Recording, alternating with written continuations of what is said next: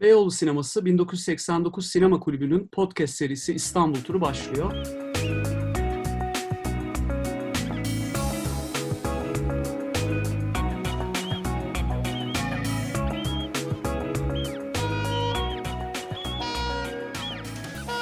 Ben Hakan Bıçakçı. Bu serinin moderatörüne devam ediyorum. İstanbul'u bazen odakta, bazen fonda tutarak çok değerli konuklarla konudan konuya sekmeye devam ediyoruz.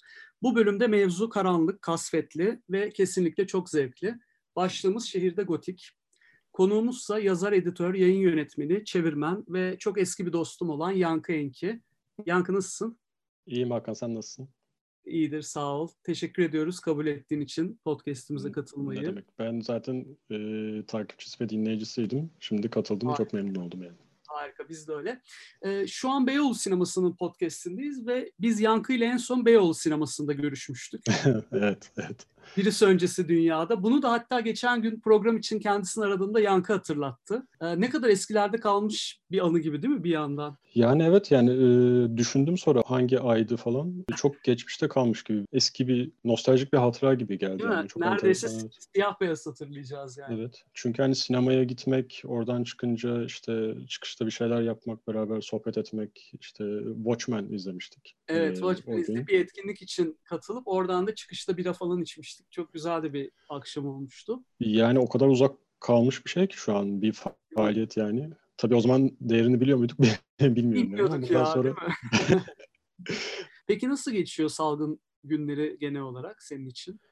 Salgın günleri e, evde geçiyor. Mart ayından beri, 15 Mart'tan beri mağarada yaşıyor gibiyim. Yani yaşıyoruz. E, eşim ve salgında dünyaya gelen oğlumuzla beraber. O yüzden böyle bir enteresan bir durum oldu bizim için. Hem salgının verdiği işte endişeli durum, işte o bilinmezlik hali, ne oluyor, ne yapacağız, hem iş güç durumlarıyla ilgili bir belirsizlik hali. Onun yanında zaten sağlık açısından bir insan sonuçta endişeli bir hale bürünürken bir de yanında çocuk sahibi olunca e, o süreci yani yaşayınca tuhaf bir durum oldu yani daha önce yaşamadığımız bir şey ve daha önce yaşamadığımız bir sürü şey bir araya gelince böyle sürprizlerle dolu her gün bir öncekinden farklı olan bir değişik bir hayat başladı bizim için ve öyle de devam ediyor yani şu anda.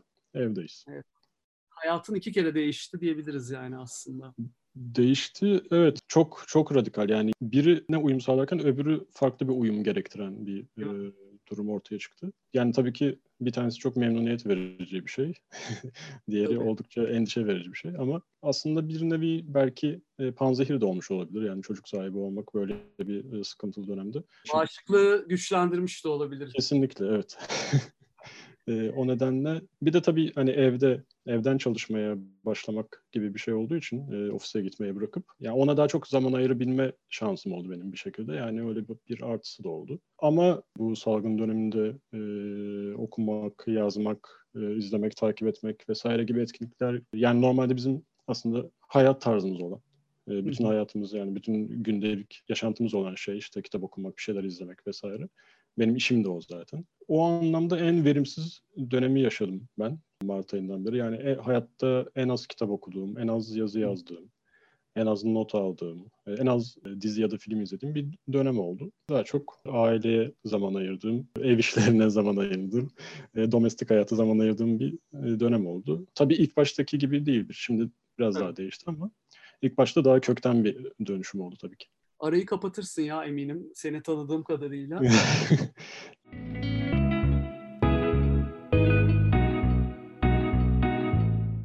Yankı bana göre gerçek bir gotik uzmanı ve e, uzmanlığını kendine saklamayıp anlaşılır bir şekilde paylaşabilme yeteneği de olan biri. Çünkü bu ayrım da gerçekten önemli. E, bu konuda çok iyi bir kitabı var. E, Maskenin Düştüğü Yer. Korku Edebiyatı yazıları alt başlıklı. Yani bu mevzularla ilgiliyseniz mutlaka okuyun derim. Ayrıca yayıncı olarak da e, türe katkısı büyük Yankı'nın. Biraz bahseder misin yayın evlerindeki karanlık işlerinden diyeyim tırnak içinde? Tabii ki. Yayın evlerindeki karanlık işlerim yani İtaki yayınlarında karanlık işlere imza atmaya başladım diyelim. Zaten İtaki yayınları böyle bir ortam sağlıyordu. Yani benim ön ayak olduğum bir şey değildi ama ben de hani üzerime düşen görevi yapmaya çalıştım bir şekilde ve hani yayın evinin bana verdiği fırsatları kullanıp e, yerli ve yabancı eserler e, bağlamında bir editörlük hani faaliyeti sürdürmeye çalıştım orada çalıştığım süre içerisinde. 2018'e kadar aşağı yukarı. Yani tabii ki benim için önemli olan ve bu türde yani genel olarak spekülatif kurgu türünde diyebiliriz ama işte fantastik, korku, gotik, bilim kurgu, e, hatta polisiye gibi türlerde çok değer verdiğim yazarların metinlerinin, eserlerin e, editörlüğünü yapma fırsatı buldum ya da kimilerini yayıncılığını yaparak e, Türkiye'deki okurla tanıştırma e, fırsatım oldu. E, güzel kitaplar yaptık yani Ray Bradbury ya da Neil Gaiman gibi hali hazırda basılmaya devam eden ve eserleri çevrildikçe ya da Neil Gaiman gibi çağdaş yaşayan bir yazarın yeni eserleri geldikçe basılması gibi onun yanında mesela Cihan Akkartal'la yaptığımız bir Sarı Kral öyküleri antolojisi vardı benim için önemli olan bu türde. E, Bram Stoker'ın Kayıp Günlüğü'nü yayınladık. Mesela o da benim için önemlidir. E, çünkü sadece çok meraklısına hitap eden e, kitaplar olduğu için onların yayınlanmış olmasını hani kıymetli buluyorum. E, Lovecraft'ın ya da Herbert George Wells'ın kitaplarının eserlerinin yeni edisyonlarının editörlüğünü yapma fırsatım oldu. İşte Görünmez Adam gibi, e, Kutulu'nun Çağrısı gibi, Deliliğin Dallarında gibi. Tabii ki Türkçe edebiyatta bir oraya bir pencere açmaya çalıştım ben açıkçası. E, çağdaş, kendi akranım olan yazarların ağırlıkta olduğu bir kulvar açmaya çalıştım e, yazar arkadaşlarla birlikte. Böyle bir dönemimiz oldu. Sonra korku ve gotik edebiyat eserlerini e, bir araya getirebileceğimiz dizi fikirleri ürettik. Geniş bir küme oluşturduk. Modern korku ve klasik korku eserleri için düşündük, taşındık. Onun sonucunda şu anda Itaki'nin e, sürdürdüğü Karanlık Kitaplık serisi oluştu. Ama ben o noktada zaten bayrağı artık Alican Saygı Ortanca'ya devretmiştim. Şu anki Itaki'nin yayın yönetmeni olan arkadaşım. Ona da selamlar buradan. Selamlar, saygılar gönderiyorum kendisine. Ben daha sonra e, Çınar yayınlarına geçtim ve Çınar yayınlarında 2018'den beri çalışıyorum. Orada da karanlığa hizmete devam ettim tabii ki. Yani Çınar Yayınları'nın öyle bir tarafı yoktu. Daha çok Rıfat Ilgaz e, kitaplarının yayıncısı olarak biliniyordu ve zaten oradaki arkadaşların da böyle bir nasıl diyeyim yaklaşımı vardı. Bana böyle bir kulvar açacaklarını e, söylediler ve beraber çalışmaya baş, başladık. Kara Çınar diye bir diziye başladım editörlüğünü yapmaya, eserler seçmeye ve şu an en son yedinci kitabını e, yayınladık. Onun yanında bağımsız eserler anlamında da Karanlığa hizmete devam ettik. Yani sadece Karaçınar çatısı altında değil. Çünkü Karaçınar'da daha çok daha hem yani çağdaş biraz az sayıda olmakla beraber daha çok klasik eserleri, işte klasik korku öyküleri derlemesi yaptım bir tane. Bir tane klasik bilim kurgu öyküleri derlemesi yaptım. Ee, bunun benzeri mesela önümüzdeki ay çıkacak olan bir klasik polisiye öyküler derlemesi var. Daha çok böyle Türkçe'de çok fazla çevrilmemiş, ihmal edilmiş, gölgede kalmış eserlerin ağırlıkta olduğu bir dizi oluşturmaya çalıştım ama onun yanında çağdaş dünyada şu an karanlık edebiyat anlamında neler oluyor diye bakıp oralardan da kendime bir kapı aralamaya çalıştım açıkçası. Mesela Arjantin'in çok enteresan şu an yükselmekte olan bir karanlık bir trendi var. Latin Amerika edebiyatının. Oradan mesela önemli e, gerçekten karanlık böyle rahatsız edici tabulu tabu e, temaları ele alan kitaplar yayınladık. Leziz Kadavralar gibi. Bir Yam Yam distopyası mesela. Veya Geber Aşkım gibi daha çok e, annelik, e, çekirdek aile konusunda eğilen, evin içindeki karanlığa eğilen bir kitap. Bunlar Arjantin'den çıkan eserler. Bunun yanında kıta Avrupa'sında mesela Çek edebiyatına eğildik. Oradan da hem çağdaş hem klasik anlamda karanlık eserler yaptık. Mesela Marek Şindeka diye bir yazar var. Ee, bizim yaşlarda bir yazar aşağı yukarı. Ve onun Anormal diye bir romanını yayınladık. Ee, Çek edebiyatından, Çekçe edebiyattan. Birçok karanlık, korku edebiyatı unsurunun içinde barındıran bir kitap ve hani önemli olduğunu düşünüyorum. Yer yer böyle ekogotiye göz kırpan, egzotik edebiyata e, göz kırpan bir tarafı var. Bir yandan bilim kurguya göz kırpan distopik bir tarafı var vesaire. Onun yanında gene modern klasik diyeceğimiz Paul Lepin'in Karanlığa Yolculuk kısa romanını yayınladık. O da bir şehir romanı aslında Prag'la ilgili. Gerçi demin adını andığım anormal de Prag şehriyle ilgili. Yani şehrin kahramana dönüştüğü, kahramanın şehirle özdeşleştiği karanlık e, hikayeler. Yani genelde seçtiğim kitapları bu tarz bir yani hayata bakışım o yönde olduğu için karanlığın bir perspektif olduğunu düşünüyorum ben. Kendi yayıncılık, editörlük faaliyetimi de ona göre e, yürütmeye çalışıyorum. Yani öyle bir karanlık bir damar üzerinde çalışmaya devam ediyorum. Son Harika. olarak da bir de şey ekleyeyim. Bir de Akıl Fikir diye bir e, kurgu dışı, kurmaca dışı bir e, seriye başladık. Orada da daha çok karanlık eserleriyle bilinen Lafcadio Hearn gibi Japonya'nın Poe'su olarak tanınan Lafcadio Hearn, e, Lafcadio Hearn ve e, Francis Marion Crawford'ın iki kurgu dışı metnini yayınladık. Daha çok e, roman yazmak, okumak, kitap kültürü, yazma kültürü üzerine. Yazarların ve yazar olmak isteyenlerin çok ilgili okuyacağı kitaplar bunlar. Edebiyat dersleri tadında kitaplar. Aslında bu yazarlar da korku edebiyatı yazarları. Lafcadio Hearn ve Francis Marion Crawford. Francis Marion Crawford'a bir parantez açmak isterim burada. Kendisi aslında benim klasik korku öyküleri kitabında bir öyküsünü çevirdiğim bir korku yazarı. Fakat çok enteresan bir insan. İstanbul'da yaşamış bir dönem ve kendi, böyle 20'ye yakın dil biliyor. Türkçe de biliyor bunun yanında ve sanırım ben bu klasik korku öyküleri içinde onun e, öyküsünü yayınlayana kadar hani Türkçe aradığınız zaman işte baktığınız zaman bu isme sadece 1890'larda İstanbul diye bir kitabı olan bir yazar yani Türkçe'de. Sanki bir gezi yazarı gibi çünkü öyle bir tarafı da var. Biraz bir e, seyyar tarafı da var kendisinin dünyayı geziyor. Zaten entelektüel bir aileye mensup. Zaten yani doğduğu ülke, büyüdüğü ülke, gezdiği yerler hepsiyle ilgili yazdığı şeyler. Yani çok renkli bir kişilik. Her gittiği yerin dilini öğrenmeye çalışıyor. Her ülkede yaşarken oranın kültürüyle ilgili notlar alıyor. Ve 1890'larda İstanbul diye bir e, kitabı da var. Türkçesi de var bunun. İş Bankası, İş Kültürü yayınlarından. Çok e, güzel de bir kitap ve kendisi bir gotik edebiyat yazarı olduğu için İstanbul'u anlatırken onun o gotik e, üslubunu görmek mümkün. Mesela İstanbul'un mezarlıklarından bahsettiği bölümler falan çok tavsiye ederim. Yani gerçekten yaşayanlarla ölüler arasında e, nasıl e, Türklerin nasıl ilişki kurduğunu, işte mezarlıklarla şehrin nasıl ilişki kurduğunu, değindiği yerler, işte Boğaz'ı tarif ettiği, işte Halic'i tarif ettiği yerler sanki öyle gotik romanlardan fırlamış paragraflar var yani bu şeyin e, Gezi kitabının içerisinde ve tabii ki biraz bir batılı İstanbul'a 1890'larda geldiğinde hangi ön yargılarla geliyor artık biliyoruz. Çok alışığız. Zaten İstanbul'u Batılılardan okumaya da çok alışıyoruz hani bu şehrin tarihini. Onu da özellikle öneririm. Francis Marion Crawford'un yani hem bir gotik yazarı olması hem de İstanbul'la ilgili hem de 1890'lar gibi bir dönemde yani gotik edebiyatında birazdan konuşuruz zaten önemli bir dönemi o. Yani işte Drakula'ların yayınlandığı vesaire bir dönem. O dönemde İstanbul'a gidip böyle bir İstanbul'daki gözlemlerini aktardığı bir kitabın da yayınlanmış olması bizim için şans. O yüzden bu şehirde gotik deyince özellikle böyle kurulmuş bir kahraman gibi, roman kahramanı gibi geliyor benim gözüme ve Türkçe biliyor olması ve kitabında bu arada Türkçe kelimeleri de o şekilde kullanıyor. Yani duyduklarını hemen kullanmaya çalışıyor. Hmm. Mesela dondurmacının seslenişini işte dondurmam kaymak yazıyor mesela kendi direkt Türkçe yani İngilizce çevirmeye çalışmıyor falan ama çok enteresan bir kişilik. Ya şey söylediğin saydığın kitapların çoğunu büyük çoğunluğunu okumadım ve çok merak ediyorum sen anlatırken bu podcast yayınlandığında durdura durdura not alıp hepsini alacağım yani birkaçı hariç özellikle son bahsettiğinde çok e, ilgimi çekti, merak ettim. Ve yani bir okur olarak çok teşekkür ediyorum. Tabii ki şimdi çok kısa bir özet yaptın aslında. Eminim daha e, neler vardır. Evet. Evet. Fatma Cihan'ı andık demin. Bu arada evet. dinleyiciler şunu diyebilir. Ya zaten şehirde korku programı yapılmıştı.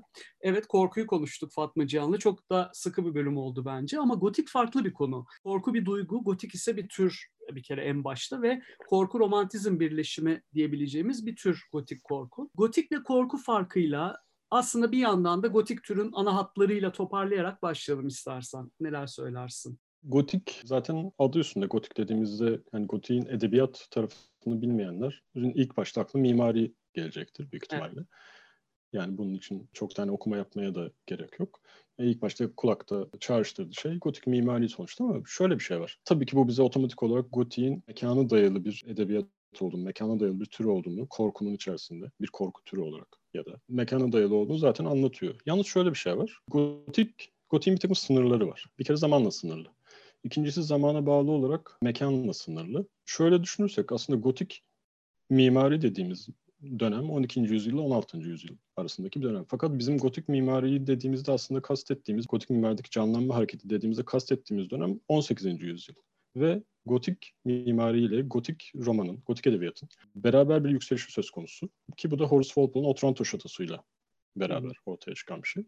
Yani gotiğin aslında kendisinde kendi tanımına içkin olarak hem edebiyat anlamında hem mimari anlamında sıfırdan doğan ya da icat edilen bir şey değil, yeniden doğan, dirilen, keşfedilen bir kavram olduğunu söyleyebiliriz belki. Yani gotik mimari zaten var olan bir şeydi ama asıl gotik edebiyatla beraber andığımız o yapılar aslında 18. yüzyılın yapıları. Tekrar bir canlanma hareketi, tekrar bunların trend haline gelmesi.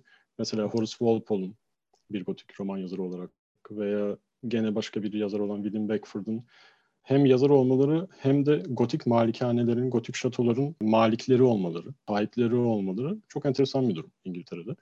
Yani Horace Walpole hem Otranto Şatosu'nu yazıyor hem de meşhur e, Strawberry Hill'in sahibi ve yıllarını harcıyor bu şatoyu inşa etmek için. William Beckford, Wate'in yazarı ve kendi de ki Watek'te çok karanlık bir hikayeyi anlatır. Bilme isteğiyle, bilme arzusuyla ilgili, ölümsüzlükle ilgili, ilgili, insanın karanlık arzularıyla ilgili etkileyici bir hikaye anlatır. Ve kendisi de bir yandan İngiltere'nin en yüksek kulesine sahip olma ihtirasıyla dolu bir insan ve o kule yıkılıyor gerçek hayatta. Yani şimdi Wate'yi bu bilgiyle okuyunca çok farklı bir durum. Çok enteresan. yani evet çok talihsiz bir durum gerçekten.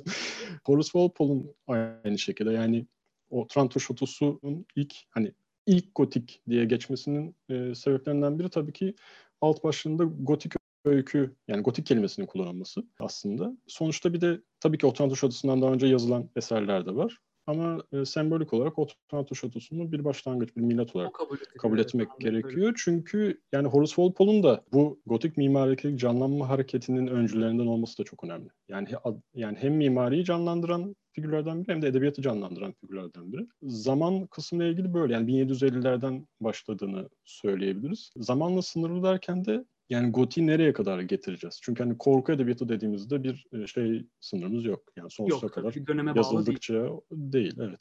E, fakat gotikte hep tartışılır zaten. Bu hala da tartışılan bir şeydir. Yani bunun kuramını oluştururken içinde kule yoksa gotik diyebiliyor muyuz? İşte şato yoksa gotik diyebiliyor muyuz? E, manastır yoksa gotik diyebiliyor muyuz, demeli miyiz? Günümüzde 20. hatta 21. yüzyılda yazılan bir eseri gotik diyebilir miyiz? Bunlar hep zaten gotik kuramcıların, romantizm kuramcılarının, edebiyat eleştirmenlerinin zaten tartıştığı bir mesele. Tartışmaya değer bir mesele bence, güzel bir mesele yani. Zamanla sınırlı olması şimdi 1750'lerden 1820'ye kadar genellikle gotik edebiyat incelemelerinde bir yükseliş dönemi ve sonlanış dönemi olarak kabul edilir. Yani aslında yaklaşık olarak Gezgin Melmoth romanı ve Frankenstein Hani o noktada gotik edebiyat zirvede bir şekilde durur. Ondan sonra bir de 1880'ler, 1890'larda bir ikinci bir gotik edebiyatı yükseliş dalgası vardır. Çok önemli eserler işte Dr. Jekyll, Mr. Hyde gibi, Dracula gibi, işte Do- e, Doktor Moreau'nun Adası gibi vesaire. Bu eserleri gördüğümüz yıllar da bir gotik edebiyatın egemenliği söz konusu. Fakat o noktadan sonra nereye kadar devam ettireceğimiz tartışma meselesi.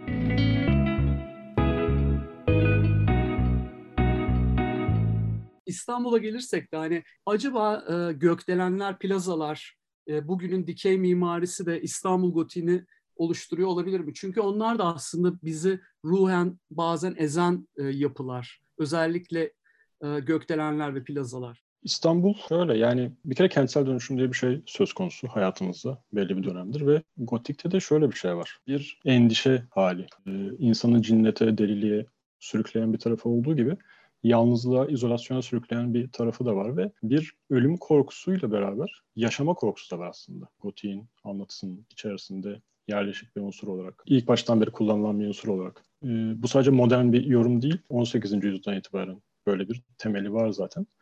Tabii ki bunun zirveye çıktığı dönemler var gotik edebiyatın tarihinde. Yani bunu çok iyi yapan yazarlar var. Mesela işte Poe ve Lovecraft gibi. Yani özellikle sıradan insanın gündelik yaşamını eğildiğinde onun psikolojik hikayesini anlatmaya eğilen yazarların eserlerinde daha çok ortaya çıkıyor. İstanbul'da mesela Giovanni Scognamilo'nun bir şey vardır, tanımlaması vardır İstanbul için. Tezatlar ülkesi der evet. İstanbul'a. Yani eskiyle yeninin bir arada oluşu, düzenli ile düzensizin bir arada oluşu. E, Gece kondularla lüks rezidansların evet. için oluşu. Oluşu, estetik ile çirkin olanın e, bir arada oluşu gibi. Böyle bir tezatlar ülkesi gerçekten. Ve bir yandan tabii ki hani bize o çocukken ezberletilen bir şey vardı işte İstanbul'un e, jeopolitik önemi e, şey Türkiye jeopolitik önemi hani İstanbul üzerinden işte iki kıtanın birleşmesi vesaire evet. gibi. Yani bir de böyle bir e, şey var yani işte hem doğulu olması hem batılı olması ve bunların hem mimaride görülmesi hem kültürde yer alması işte farklı işte etnik grupların olması vesaire diye baktığın zaman o Giovanni'nin tanımlaması çok önemli. İstanbul nasıl ikili bir yapı sergiliyorsa gotik kavramı da aslında ben hep gotiği müpemlik üzerinden tanımlarım. O müpemlik kavramını da Zygmunt Bauman'dan e, ödünç alıyorum ben. Yani aynı anda iki kategoriye birden girebilen, yani iki zıt kategoriye de dahil olan yani siyah ya da beyaz olmayan, hem siyah hem beyaz olan ama ne siyah ne de beyaz olan şeklinde. Yani gotik kavramının kendi tanım kümesinde böyle bir belirsizlik var, böyle bir müphemlik var. Bir bir aradalık söz konusu. Farklı olanların, birbirine ters düşenlerin, zıt olanların bir aradalığı söz konusu. Bunların ortaya çıkardığı bir enerji var. Ee, İstanbul'un da biraz öyle bir tarafı var. Yani bu demin saydığım şeyler çok klişe unsurlar tabii ki. Ama gene Giovanni'ye dönecek olursam ki kendisi hani sinema, Beyoğlu, Evet yani kendisi Gotik ile, ile Beyoğlu kesişim kümesi gibi bir evet, figür adeta. O yüzden anmadan geçemeyeceğimiz bir isim. Yani şu an hani bir cümle içerisinde kullandığım bütün kavramları kavramlara kendi hayatını vakfetmiş bir insan Kesinlikle. yani. Ee, zaten ister istemez almak zorundayız ve buradan da saygıyla e, anıyoruz. Anıyoruz evet. Yani Giovanni'nin tespiti hem Giovanni gibi birinden gelmesi çok önemli. Çünkü o da bir Levanten ve batıdan gelip doğuya yerleşmiş ve buralı olmuş biri ve İstanbul'u en iyi anlatanlardan biri olduğu gibi Goti'yi de en iyi bize anlatanlardan biri. Ve bunların bu klişe şeyleri aslında boşuna saymıyor. Yani birbirine ters düşen kavramların bir aradalığından bahsederken İstanbul'u da böyle tanımlamak aslında çok manidar. Yani İstanbul'la Goti'nin bir paralelliği var. E, bu anlamda baktığımızda. Tanım olarak yani tanım kümesi olarak zaten bir paralelliği var. Bu her şehre nasip olan bir şey değil. Yani İstanbul bu anlamda bir şansı da var. Mesela bu demin e, söyleşinin başında bahsettiğim Francis Marion Crawford'un İstanbul'u anlatırken işte baktığı yerlerden biri mezarlıklar mesela ve orada Hristiyan mezarlıklarıyla Türklerin e, Müslüman mezarlıklarını karşılaştırıp İstanbul'da gördüğüm mezarlıkların ne kadar düzensiz, dağınık, bakımsız olduğundan bahsediyor ve bu Hristiyanların mesela sen bildiğim kadarıyla Viyana'yı çok seversin. Kesin orada evet. bir mezarlık falan ge- gezmişsindir. Bilmiyorum yani Viyana'nın mezarlıkları ne kadar ünlü ama ee, yani orada bir mesela düzen eğilimi vardır Avrupa şehirlerinde. Bizde ben biraz dağınık yatarım diyebileceğimiz bir... E, Francis Marion Crawford da şey diyor yani mezarlarda düzenli bir şekilde nasıl huzur bulabilir bir insan? Yani o kadar düzenin içerisinde bir huzur bulmak nasıl? Yani e, burada İstanbul'da bir söğüt ağacının, bir servi ağacının dibinde yatarım daha iyi diyor mesela. e, adam burada o mezarlıkların e, hayran kalmış. Tabii mezarlıklar kimin için yapılıyor? Öyle bir soru da var. Yani ölenlerin ölenlerin huzur bulması için mi yoksa geride kalanların mezarda ziyaret edenlerin huzur bulması için mi? O da gotik edebiyat aslında yakından ilgilendiren bir şey. Çünkü mezarlık bir gotik mekan. Vakaların geçtiği, işte ölüler geri dönecekse oradan geliyor. İşte bir takım işte şehir efsaneleri varsa mezarlıklardan ortaya çıkıyor. İşte gençler hep Amerikan işte filmlerinde gördüğümüz işte mezarlıklarda buluşup kendi korkularını yaratmak için sahte de olsa, sözde de olsa işte mezarlıkta işte Halloween kutluyorlar vesaire gibi. Yani mezarlıklar aslında şehrin içindeki ki İstanbul'da bunlar daha da fazla şehrin içinde. Bu da batılı yazarların ilgisini çeken bir şey. Yani gotik İstanbul'da gotiğin unsurları diyelim. Gotik edebiyatın ya da gotik kültürün unsurları İstanbul şehrinin özellikleriyle çok örtüşüyor genel olarak. Yani onu söylemek istiyorum aslında. Aslında bu demin söylediğin çok ilgimi çekti. Yani mezarlıkların şehir bu kadar içinde olması İstanbul'da. Yani hakikaten e, kırmızı ışıkta durduğunda e, arabanla yana bakıp bir mezarlık görüp o kırmızı ışık boyunca hayatı sorgulayabilip sonra yeşil unutabilirsin. Neredeyse öyle bir ortamda yaşıyoruz. Hakikaten Avrupa'da bu kadar hayatın içinde değil. Bir de konuşmanın arasında söylediğin şehir efsaneleri de sanki gotik edebiyatın kalbinde olan bir şey. Ee, evet. Belki biraz onu da konuşuruz. Burada küçük bir parantez açıp şeyden bahsetmek isterim. Benim hep e, düşündüğüm ve sevdiğim bir konu. Bu kuşkunun askıya alınması diye bir şey var ya edebiyatta. Evet. Bu tabii ki zamanla oluyor edebiyat tarihinde. Yani gerçek dünyayla kurmaca dünyaya geçiş yaparken gerçek dünyadan e, devreye giren bir mekanizma bu. Kuşkunun askıya alınması, inanç yanılsaması, işte ecnebilerin suspension of disbelief dediği. Yani yazarla okur arasında, anlatıcıyla muhatabı arasında bir kontrat bu. Hani masallar nasıl başlıyor? Bir zamanlar küçük bir kız varmış ama aslında öyle bir kız yok. Ama sen bunun olduğuna inanacaksın. Çünkü olmadığını düşünürsen e, okuma zevki diye bir şey kalmaz. Tabii ki bu e, çok ilginç bir konu aslında kuşkunun askıya alınması, bu kontrat mevzusu. Bu zamanla şimdi kurmacayla o kadar iç içeyiz ki artık bunu sorgulamıyoruz. Ama edebiyatın ilk zamanlarında, Gotik'in ilk anlatılarında şehir efsaneleri o yüzden çok devreye giriyor.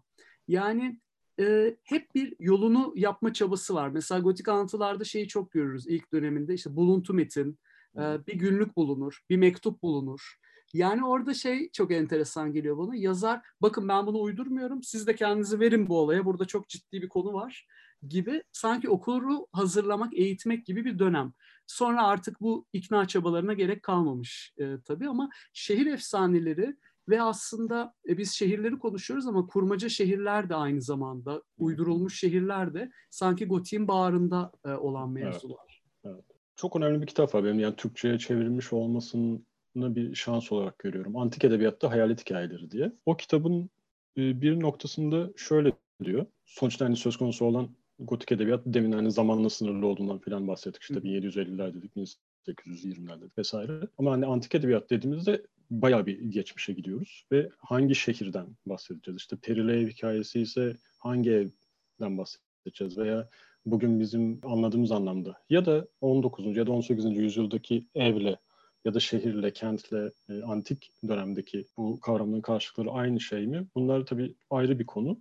E, ama bu bu bahsettiğim kitapta, Antik Edebiyatta Hayalet Hikayeleri kitabında o dönemde de sanayi devriminden sonra biz şehrin, modern şehrin bir noktaya geldiğini, edebiyattaki, gotik edebiyattaki, korku edebiyatındaki karşılaştığımız, hatta yeraltı edebiyatındaki karşılaştığımız o karanlık sokaklarıyla falan tasvir edilen şehrin aslında antik edebiyatta da var olduğunu, yani modern olmayan, e, premodern antik şehirde de perili ev öykülerinin olduğunu mesela öğreniyoruz bu kitaptan. Ve burada şehir efsanesi olarak anlatılan, kimi zaman bunlar tek cümleden ibaret, kimi zaman e, bir paragraftan ibaret. Yani bir ufak bir anekdottan ibaret belki bazen. E, şehir efsaneleri insanların birbirine anlattığı küçük korku hikayeleri aslında. Ama şöyle bir şey var. Ya gerçekse ya da şöyle diğer taraftan bakarsan ya gerçek değilse gibi bir durum var. Yani şehir efsaneleri çünkü sana arkadaşının anlattığı bir şey. İşte e, belki işte bir mezarlıkta otururken gençliğinde işte sohbet ederken paylaştığım bir şey ya da bir arkadaşının sana gelip bir arkadaşından bir arkadaşım bana şöyle bir şey anlattı diye sana çok güvenilir bir kaynak sunduğu bir şeydir genelde. Yani biz de böyle küçüklüğümde ben çok hatırlıyorum tabii, yani. Jim Perry biri gelir. Falan. Tabii Jim Perry hikayeleri yani bambaşka e, her türlü varlık olabilir. Varlık olmadan bir şey olabilir. Bir gerçekleşmiş bir vaka olabilir. Yani birinin başına şöyle bir şey gelmiş ve yani öyle bir şey söylüyor ki yani imkansız yani öyle bir şey olması biliyorsun ama işte gece yattığında kafanda bir küçük bir soru işareti oluyor. Yani ya gerçekse ya da ilk başta inanıyorsun yani bu sefer gerçek olmasa daha mı iyi diye düşünmeye başlıyorsun. Yani şehir efsanesi insanın inanma mekanizmasını böyle kurcalayan, sıkıştıran, rahatsız eden bir şey, sorgulatan bir şey.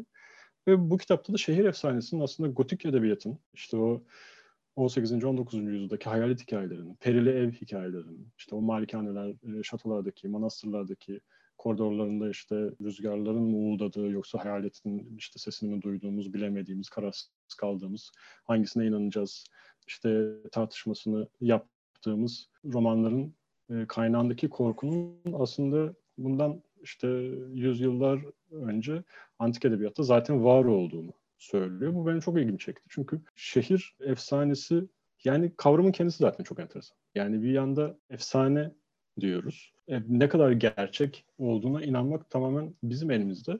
Ve senin dediğin konu yani bu. Kendi gerçekliğimizi yaratmakta ve kendi fantastikle olan, doğaüstüyle olan, korkunçla olan, e, tekinsiz olan ilişkimizi kendi kendimize aslında orada inşa etmek zorunda kalıyoruz. Bu bizi bizle baş başa bırakan bir alan bu. Gotik edebiyat için bu da çok önemli. O yüzden ben bu şehir efsanesi kavramını çok önemli buluyorum ve ta antik edebiyata kadar götürülebiliyor olması benim için hani bu konular üzerinde çalışırken benim için önemli bir ayrıntı olmuştu. Şehirlere gelince yani kurmaca şehirlere gelince özellikle gotiğin mekan üzerine ilerleyen bir tür olduğunu zaten de bahsetmiştik ve bir evren yaratmak genelde fantastik yani fantazi edebiyatını daha doğrusu bize bir de biz biliyorsun bizim Türkçe'de bu kavramlar biraz karışık yani karışık. fantastik mi diyeceğiz, fantazya mı diyeceğiz, fantazi evet. mi diyeceğiz, fantaziyi E ile mi yazacağız, A ile mi yazacağız falan gibi çok bir, büyük tartışmalar söz, söz konusu. Daha onları tam oturtamadık ama genellikle evren yaratmak, derken, e, mekan yaratmak derken bu hep tabii Tolkien'in de sayesinde fantastik edebiyatı, fantastik kurguya e, atfedilen bir şey. Fakat gotik tamamen mekan üzerinden hareket eden bir tür olduğu için yani kahramanın mekanla kurduğu ilişki üzerinden hareket eden bir tür olduğu için aslında orada çoğu eserde de mekanın kendisi de bir kahramana dönüştüğü için kahraman insanın oradaki bireyin kendisiyle beraber. Bu çok önemli noktaya geliyoruz. Yani bir şehir yaratmak, bir evren yaratmak mesela Lovecraft'ta olduğu gibi. Aslında gotik edebiyatta bir ya da çağdaş edebiyatta ya da modernist edebiyatta diyelim bir karakter yaratmak, unutulmaz bir karakter yaratmak e, o hiç unutamadığımız roman kahramanlarını düşünelim mesela. Onları yaratmak ne kadar önemliyse bir mekan, bir şehir yaratmak da e, o kadar önemli. Bir noktadan sonra onun şeyini bile unutuyoruz. Gerçekten öyle bir yer olmadı. Mesela Lovecraft'ın işte Innsmouth'un üzerindeki gölge, Innsmouth diye bir yer yok tabii ki. Orası Lovecraft'ın uydurduğu bir şehir. The Dunwich dehşeti. Dunwich Lovecraft'ın icat ettiği bir yer. İşte Arkham mesela Lovecraft'ın icat ettiği bir yer. Ve ama artık e, o kadar çok gerçekliğe yaklaşmış ve kendi mitosu içerisinde insan orada geçen öyküleri okuya okuya zaten bir noktada artık sorgulamayı bile bırakıyor. Yani onlar artık gerçek şehirlere dönüşüyor. Ve kendi mitoslarını oluşturuyor ve başka yazarlar da orada geçen öyküler yazmaya, orada geçen romanlar da yazmaya başlıyorlar. Sanırım bir tek Lovecraft'ta onun sahip olduğu bir şans bu. Yani onun kutulu öyküleri üzerinden zaten arkasından kurulan yayın evinin e, ismi Arkham House. Yani kendi yarattığı şehrin üzerinden devam eden bir miras e, söz konusu. Batman'e kadar uzana, uzanan bir miras bu. Aynen Gotham şehri. Bu da aslında günümüz dünyası da yani evet. İstanbul'da bizim gördüğümüz bir taraf. Bir de şunu eklemek istiyorum. Bu sadece yani İstanbul'un ya da modern ile gotiği yan yana getirdiğimiz ortaya çıkan tablo sadece bundan ibaret değil. Bunun yanında bir de gotik edebiyatın aslında bir harabe edebiyatı diyebileceğimiz bir tarafı var. Her zaman o eserlerde yani o dönemin gotik diyebileceğimiz tüm eserlerinde yani hem romanlarında, öykülerinde hem de resim sanatında her zaman harabe önemli bir imge olmuştu. Bir kalıntı, eskiye özlem duyduracak, işte eski gitmiş e, bir kısmı kalmış ama o çok güzel tasvir edilir. Eski, geçmişte kalan, eskide kalan şey her zaman e, daha nostaljiktir ve daha çekici tarafı vardır orta çağ her zaman daha güzeldir, günümüz ne kadar da kötüdür gibi bir böyle bir bakış açısı yansıtır bize o harabe edebiyatı. İşte yarısı kırılmış sütunlar. Hatta bunun e, o dönemlerde başlayan bir peyzaj tarafı da var. Yani insanlar kendi malikanelerinin bahçelerine sanki eskiden kalmışçasına bir işte kırık sütun koydurmalar. İşte yarısı kopmuş bir testi gibi böyle böyle hani bugün vintage dediğimiz şey var ya. Evet evet tamam. Yani o kültürün kendi nostaljisini kendi yaratma gibi bir tarafı da var ve gotik dediğimizde aslında her zaman eskiye karşı bir duyulan bir özlem olduğunu da hatırlamamız lazım. Yani bu e, tabii ki Batman kadar ünlü değil ama benim çok sevdiğim bir başka e, gotik çizgi roman da Dylan Dog vardır İtalyan. E, Umberto evet. Eco'nun da en sevdiği çizgi roman. evet evet. Bir yerde. Hatta onun e, çok enteresan bir film uyarlaması vardır 90'lı yıllarda Cemetery Man diye İngilizcesi hmm. Cemetery Man. Bu konu açıldığında da hep belirtirim. Bu filmde çok acayip bir an var bir yerde yaratıklar, zombiler e, bizim ana karakteri yemeye başladığında radyoda Sezen Aksu'nun Sen Seni Bil Sen Seni Yoksa Öcüler Yer Seni şarkısı çalmaya başlar. Bu ilk duyduğumda e, kafayı yemiştim yani. Çünkü bu bir tek bizim anlayacağımız bir espri. Neden böyle bir şaka yapılmış filmde? E, çözen olursa da bize ulaşsın diyebiliriz.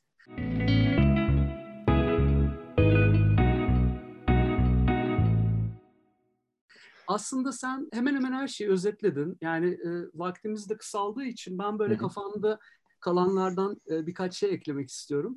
Yani bu insanı ezen mimari atmosferi konuştuk. Bir de ölüm dediğin gibi merkezde ama ölüm klasik anlamda ölüm değil de hep bir ölümle didişme hali aslında. Senin de söylediğin o ölümle yaşam gibi. Mesela hmm. düşünüyorum vampirler, zombiler, canavarlar, işte kara büyüler, çılgın bilim adamları, e, bilhassa bilim adamı diyorum, o işin klişesi olduğu için bilim insanı demiyorum. Tabii, tabii. E, perili evler, hayaletler. Şimdi bu temalara bakarsak hepsi ölümle e, didişen temalar. Yani ölümsüz vampirler, dirilen zombiler, işte ölüler diyarından gelen hayaletler, bu çılgın bilim adamlarının dirilttiği ölüler hep bir ölüme aslında karşı çıkma durumu ve kabullenememe, kabullenme.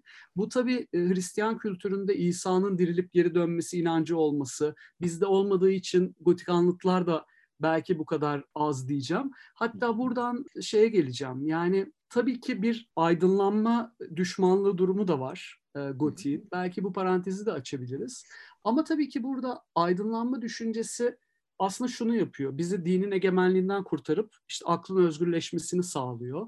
Bu şahsen benim kulağıma çok hoş geliyor ama hangi akıldan bahsediyoruz? Yani e, dini kaldırıp yerine 19. yüzyılın işte beyaz, batılı, Avrupalı erkek aklını koyuyor. E, işte bu Frankfurt Okulu'nun da söylediği gibi aydınlanma totaliterdir. Yani nasıl aydınlanacağını kültür endüstrisi karar veriyor. Ama bir hep bu arada kalan şeyi görüyoruz. Mesela hayvan mezarlığının baş karakterinin doktor olması tesadüf değil. Hani en kabul edemeyecek adamı o durumla baş başa bırakıyor. Ama bir yandan dini bir yönü de var. Yani işte düzgün gömülmediği için hortlayanlar, haçtan kaçan vampirler ilk aklıma gelen. Bu denge hakkında ne düşünürsün? Yani e, din, dinin kullanımı ve tek tip aydınlanma karşıtlığı dengesi konusunda. Yani şimdi aydınlanma deyince tabii burada hem Goti'ye geliyor iş hem de bilim kurguya da geliyor aslında ama Doğru. bir noktada şöyle bir şey de var. Yani bilim kurgu da bir aydınlanma metaforu sonuçta. Gotik de bir aydınlanma eleştirisi. Ama Gotik'le bilim kurgunun zaten buluştuğu bir yerde var. O da hani Frankenstein'dan Frankenstein, belki bahsedebiliriz. Yani aydınlanma dediğimizde işte aklın egemenliğinin söz konusu olma durumu Fransız devriminde zirveye ulaşmış ve gerçek yüzünü orada göstermiş bir şey. Fransız devrimi bir tarafıyla Mesela Terry Eagleton'un şey lafı vardır işte eşitlik, özgürlük, kardeşlik yanında Fransız devrimi terörizmin de doğuşudur diye ki Fransız devriminin ertesindeki döneme zaten terör dönemi diyoruz tarihte. O 1793-1794 insanı çıldırtan bir dönem. Mesela Marquis de Sade akıl hastanesi. Sade zaten çılgın ama kapatıldığı akıl hastanesinin penceresinden Sade günde 60-70 kişinin idam edildiğini e, seyretmiş bir ay boyunca mesela. Yani kanın böyle oluk oluk aktığı bir dönem Fransa'da ve bunun İngiltere'deki yansımaları önemli. Çünkü İngiltere-Fransa ilişkileri o dönem çok belirleyici. Edebiyatta yani. Gotik edebiyatı açısından söylüyorum. Çünkü e, Fransa'da olup biten olaylar İngiltere'deki gündemi etkiliyor ve İngiltere'nin kendi paranoyalarını, Britanya'nın kendi paranoyalarını oluşturmasına sebep oluyor ve Britanya'daki gotik edebiyatın 1790'lardan itibaren yükselişe geçmesi de bu anlamda zaten bununla bağlantılı. Yani burada bir tesadüf söz konusu değil. Çok manidar bir durum. Ve bir tartışma var burada. Meşhur iki ekole ayrılıyor işte. E, Anne Radcliffe ve Matthew Lewis üzerinden giden bir tartışma söz konusu. Birisinde açıklanan bir doğaüstü var. Rasyonelize edilen bir doğaüstü var. E, diğerinde açıklanmayan, olduğu gibi bırakılan bir doğaüstü var. İki okula ayrılıyor ve e, bu daha sonra her gotik edebiyat tartışmasında sürdürülen daha sonra e, Zvetan Todorov'un da sürdürdüğü, fantastiği tanımlarken sürdürdüğü bir şey bu. Bu bizim için önemli ve dediğiniz şeylerle ilgili. Çünkü Todorov da şöyle diyor yani bir Radcliffe eseri şey yapıyorsa eğer işte hayalet bir kitap okuyoruz ve bir gotik roman okuyoruz ve 150 sayfa boyunca hayalet olduğunu, o seslerin bir hayaletten kaynaklandığını okuyarak ilerliyoruz. Fakat romanın sonunda onun aslında bir rüzgar olduğunu öğrendiğimizde bunu artık fantastik olarak değerlendirmiyoruz. Diğer taraftan bir Matthew Lewis romanı okuduğumuzda orada da işte şeytan geliyor ve kahramanla pazarlık yapıyor diyelim ki. Ruhunu teslim almaya geliyor ya da e, ruhunu ele geçirmeye geliyor. Burada roman bittiğinde doğa üstünü açıklanmadan bırakılıyor ve o noktada gene bir fantastiklik durumu söz konusu değil. Çünkü bizi ikilemde bırakmıyor. Yani zaten başladığı gibi bitiyor. Bizi evet. şüpheye düşürmüyor, kuşkuya düşürmüyor. Ama örneğin diyor bir e, Henry James'in Yürek Burgusu romanı mesela. Okuyoruz, 100 sayfa boyunca bitiriyoruz ve bitirdiğimizde hala kafamızda bir soru işareti var. Yani açıklayabilir miyiz, açıklayamaz mıyız? Okurkenki yaşadığımız soru işaretleri kitabı bitirdiğimizde de devam ediyorsa, yani ikilemde kalıyorsak o zaman bu eser fantastiktir diyor. Yani, yani fantastik... karakterin deliliğine mi ortak olduk yoksa gerçekten doğaüstü bir şey var mıydı diye asla bilemiyoruz. Evet, Biraz yani... Shining de öyledir mesela. Evet, yani doğaüstü bir durum söz konusuysa gerçeklik mi düşmüyor sorusuna vereceğimiz cevap burada önemli. Bu arada Henry James, Oğuz Atay'ın da çok sevdiği yazarlardan biridir. Bunun, şuradan aklıma geldi o. Ben Oğuz Atay'ın Korkuyu Beklerken kitabında evet. Türkiye'deki genelde böyle değerlendirilmediği için bunu hani özellikle bir söylemek isterim yani. Ben Türkçe korku edebiyatındaki en önemli eser olarak görüyorum. Çok Korkuyu Beklerken. Kesinlikle katılıyorum.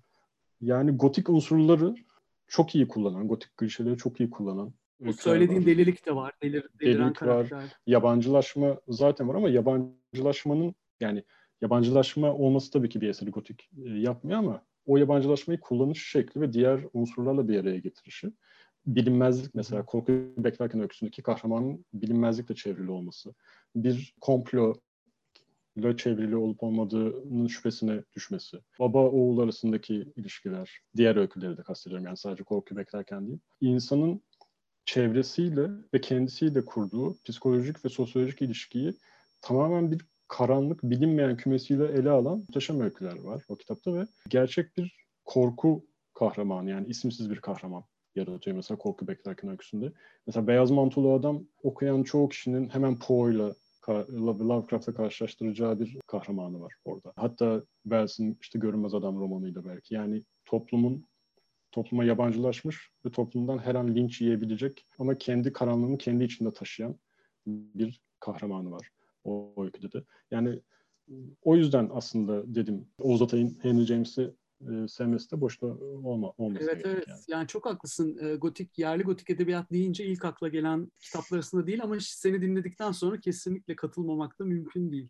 Bu evet. az önce söylediğin açıklanma açıklanmama zaten bütün türleri belirleyen çok temel bir konu. Tabii şimdi buna girersek çıkamayız ama e, şeyi hatırlattı bana türleri belirleyen derken aslında gotik de yani sen zamanla sınırladın günümüzde artık çok yapılmayan kimse oturup ben gotik bir roman yazayım diye oturmuyor ya da gotik tarzda bile yazsa öyle algılamıyoruz gibi sanki. Hani sanki zamanı geçmiş bir şey gibi.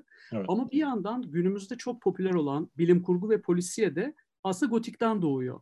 Yani romantizmden doğan gotik bilim kurgu ve polisiyeye evriliyor. Bunun içinde aslında sen e, ismini geçirdiğin yazarlar e, Frankenstein'in yazılmasıyla Gotik'in bağrından bir anlatı bir anda bilim kurguyu başlatıyor. Yani Mary Shelley 18 yaşında bir kız çocuğu olarak yazıp bilim kurguyu başlatıyor. Edgar Allan Poe da Morg Sokağı cinayetlerini yazarak yine gotik gelenekten gelen bir anlatıcı olarak ilk e, dedektifi, daha dedektiflik diye bir şey bile yokken dedektifi tanımlıyor. Tabii. Klasik şey yani dünyanın ilk kurmaca dedektifini tanımlıyor ve aslında ilk polisiyeyi yazıyor. Tabii ki evet şey tartışmaları olabilir. Polisiye yani suç öyküleri çok daha eskiden var ama bildiğimiz anlamda bir e, polisiye ilk Poe ile başlıyor. Aslında gotik gelenekten gelen yazarlar bilim kurgu ve polisiye e, türünü başlatıyor. Dolayısıyla böyle bir e, önemi de var gotiğin aslında. Evet yani gotik bir tür olmasının yanında gotik bir yaklaşım aslında. Bir bakış açısı, bir trend yani gotik. Yani bir eser polisiye olmasıyla beraber içerdiği gotik unsurlarla gotik bir tarafı olabilir. Bilim kurgu olmasıyla o şekilde olabilir. Ve aslında çoğu ünlü, büyük işte Görünmez Adam gibi, Doktor Moreau'nun Adası gibi, Dr. Jekyll Mr. Hyde gibi, Frankenstein gibi eserler ile baktığımız zaman işte çılgın bilim adamı tırnak içerisinde e, kahraman olan eserlere baktığımızda her zaman korkuyla, gotikle daha doğrusu e, bilim kurgunun yan yana olduğunu görürüz ve bu çoğu zaman bir kavram kargaşasına da sebep olur. Yani Frankenstein mesela ilk modern bilim kurgu romanı olarak e, kabul edilir. Hı hı. Ama Frankenstein aslında gotik bir romandır. Bir korku romanıdır. Aynı şey Dr. Jekyll Mr. Hyde için de geçerlidir. Mesela bir yayın evinde ben kendi mesleğim açısından söyleyeyim. Bir dizi yapacaksınız. Bir korku edebiyatı diziniz var. Bir de bilim kurgu edebiyatı diziniz var. E, hangisine koyacaksınız mesela? İkisine de koyabilirsiniz çeşitli açılardan baktığınızda. Ve ben bunu biraz da şeye de bağlamak istiyorum. Günümüzde gotiğin en geçerli olan halinin ekogotik dediğimiz tür olduğunu düşünüyorum ben şu anda yani geçerli nedir diye düşünürsek e, bu bahsettiğim eserlerde de bu ekolojik Frankenstein'da özellikle mesela yani cesetlerden yani yaşamın ham maddesi ölüm Frankenstein'da. Bu çok önemli bir unsur ve Mary Shelley bunu inanılmaz kullanıyor. Ölümden yeşeriyoruz hepimiz. O şekilde hayat buluyoruz. Topraktan geldik, toprağa gidiyoruz gibi bir noktaya geliyoruz aslında. Ve ekolojik kurgu da aslında bize bunu anlatan bir şey. Yani ekolojik kurgu çünkü sadece çevreci şiara sahip eserler olmak zorunda değil. Bizi yadırgatan çevreyle kurduğumuz ilişkiyi toprakla, doğayla, yeşille kurduğumuz ilişkiyi karanlık bir şekilde ele almamızı sağlayan, o karanlık bir taraftan bakmamızı sağlayan bir tür ekogotik. Ben günümüz için yani ekoloji kavramı bir trend haline geldiği için günümüzde gotiği de eğer yazacaksak, okuyacaksak gotik diye tanımlayacağımız eserler karşımıza, karşımıza çıkacaksa daha çok ekoloji tarafı ağır basan eserlerin geçerli olacağını düşünüyorum. Güncel olacağını düşünüyorum daha doğrusu. Evet. Aynı şekilde bilim kurgu için de geçerli bu. Kesinlikle e, ben de katılıyorum. Yani vahşi doğa ile uygarlık ilişkisini sorun haline evet. getiren bir alt tür ekogotik. Aslında bir sürü alt türü var. Yani Gothic hmm. Gore var mesela işte bu Lucia Fulci'nin filmleri falan. Shining mesela Family Gothic olarak geçiyor alt tür. Ya da The Crow Urban Gothic olarak geçiyor. Bir sürü alt türü de var. Bir de o bahsettiğin tasnif edeme, etme zorluğu mesela Drakula'da da var. Transilvanya'da geçen ilk bölümü gotikken Londra'da geçen ikinci bölüm bir anda dedektiflik hikayesine döner vampirin izinde. E, gerçekten de bu türleri o yüzden yani aynı kitabın içinde iki bölüm bile farklı türlerde olabiliyor o yüzden. Bizim yerli edebiyata baktığımızda tabii ki az örnek var ama senin harika bir eklemen oldu bence. Yani işte Ali Rıza Seyfi'nin Kazıklı Voyvodası, Hüseyin Rahmi Gürpınar'ın Gul Yabanisi, Mezarından Kalkan Şehit Dirilen İskelet gibi anlatıları, işte Kenan Hulusi Koray'ın Bahar Hikayeleri, Kerime Nadir'in Dehşet Gecesi, bir de Suat Derviş'in Kara Kitabı aslında gotik bir malikanede geçen hasta bir kızın hikayesi. Onu da 16 yaşında yazmış mesela. Hani bizim Meriçelimiz gibi diyebiliriz böyle kabaca bir tanımlamayla. Ve sen aslında bu şeye Oğuz Atay'ı da eklemen ilginç oldu.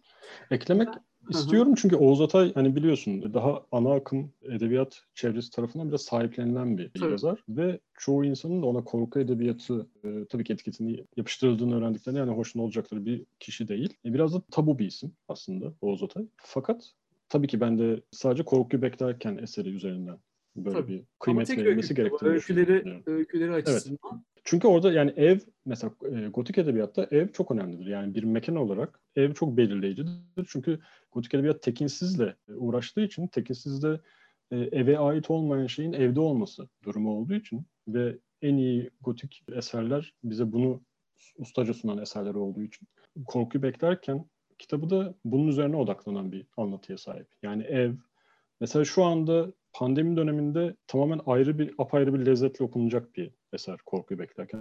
Çünkü Doğru. eve kapanma, izolasyon söz konusu. Tüm hayatı o evin içinde geçirmek zorunda kalan bir kahramanın anlatısı söz konusu. Ve daha sonra da o evden çıkmak gibi bir durum var. Bunların hepsi bir dehşete işaret ediyor. Yani evin içinde kapalı kalmak da bir dehşet.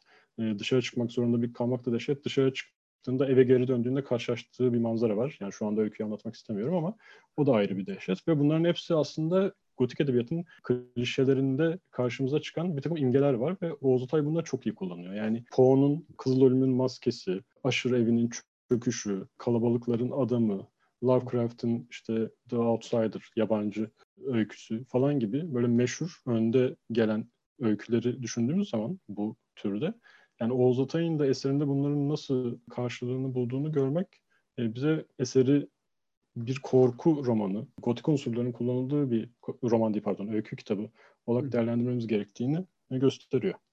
Evet. Bunun yanında e, senin dediğin isimlerde ben e, Kerime Nadir'i çok önemli buluyorum. Evet. Dehşet e, Gecesi'ni. Onu çok önemli buluyorum. E, çünkü yakın zamanda hatta Oğlak Yayınları tarafından yeniden baskısı da yapıldı. Bir de onun yanında genelde kurgucu kimliği gölgede kalan Giovanni Sconamiglio'nun Beyoğlu Kabusu, Beyoğlu Kabusları ve diğer öyküler Kabusları. kitabıyla Dehşet Öyküleri kitapları onları da sayabiliriz sanırım. Evet yani tabii ki şöyle gotik işte sınırladığımız için tabii ki korku anlamında daha genel kapsamda düşünürsek tabii ki korku edebiyatı Türkiye'de tabii var. Ki. Çok güzel. Tam e, klasik gotik tanımına uyan evet. şeyleri aslında konuştuk. Evet. Yani süremizi de aslında açtık gibi bile. Hatta Hı-hı çok da güzel oldu. Ya biz bıraksanız e, ya daha 3 saat devam ederiz. Çok ya daha sinemaya hiç girmedik bile. Evet. E, en uzun bölüm de olacak gibi gözüküyor bu ama çok teşekkürler Yankı sana. Yani harika oldu. Sinemaya hiç giremedik. Sinemada 30'lar gotik korku zaten çok temel. Yani Amerika'da Universal stüdyoları, İngiltere'de Hammer, Japonya'da Toho stüdyoları zaten bir gotik şey yani 70'lerden sonra etkisi azalıyor ama o zamana kadar müthiş bir gotik gelenek var. Bu ayrı bir program gerektiriyor ama. Evet, evet. E, gotik müziği de konuşulabilirdi. E, orada da mesela benim çok sevdiğim bir şey olduğu için diyorum. Yani kökleri klasik müzikte tabii. Hector işte Berlioz'la başlayan gotik müzik deyince benim ilk aklıma Black Sabbath geliyor mesela çok sevdiğim gruplardan öncü. Bauhaus, Joy Division, e, Cure, Sisters of Mercy, Nine Inch Nails, My Bloody Valentine, e, Swans, e, Nick Cave'in erken dönem grubu The Birthday Party gibi müthiş e, gotik gruplar da var. Yani gotik tabii ki edebiyattan taşıp müziğe, müzikten e, sinemaya ve dediğin gibi kentsel dönüşüme kadar bütün hayatı saran e, bir durum. Biz tabii çok küçük bir kısmına girebildik ama ona rağmen en uzun programlardan biri oldu sanki. Ee, çok teşekkür ediyorum Yankı sana. Yani en karanlık İstanbul turlarından birini attık birlikte. Ee, şundan yani, bahsetmek isterim. Yine de bunu da eklemek isterim dediğin şeyler varsa tabii ki. Valla Onlar... dediğin gibi yani bir tur daha atabilirdik. Tabii tabii. ee, söylenecek çok şey var, konuşacak çok şey var. Ben bu arada senin kitaplarındaki, senin öykülerindeki ve romanlarındaki yani sen de kentle ilgili bize hikayeler anlatan bir yazarsın ve kentin karanlık tarafını ve kentte yaşayan insanın karanlık tarafını anlatan bir insansın. Ben de sana o yüzden teşekkür ederim bir okur olarak ve pro- Çok program için ederim. çok teşekkür ederim. Çok Bu çok arada son bir şey söylemek isterim. Tabii. Cevdet Kudret Edebiyat Ödülü için de seni tebrik ederim. Çok teşekkür ederim. Sağ ol. Evet 2020'de iyi bir haber alacağımı hiç düşünmezdim ama böyle güzel bir haber oldu benim için. Valla de. sayende biz de almış e, e, sayıldık böylece. Sağ ol. Yankı çok teşekkür ediyorum tekrar. Şu e, zor günleri atlatıp e, ilk fırsatta görüşmek dileğiyle diyorum. Aynı şekilde ben de diliyorum. Hoşça Çok teşekkürler. Hoşçakal.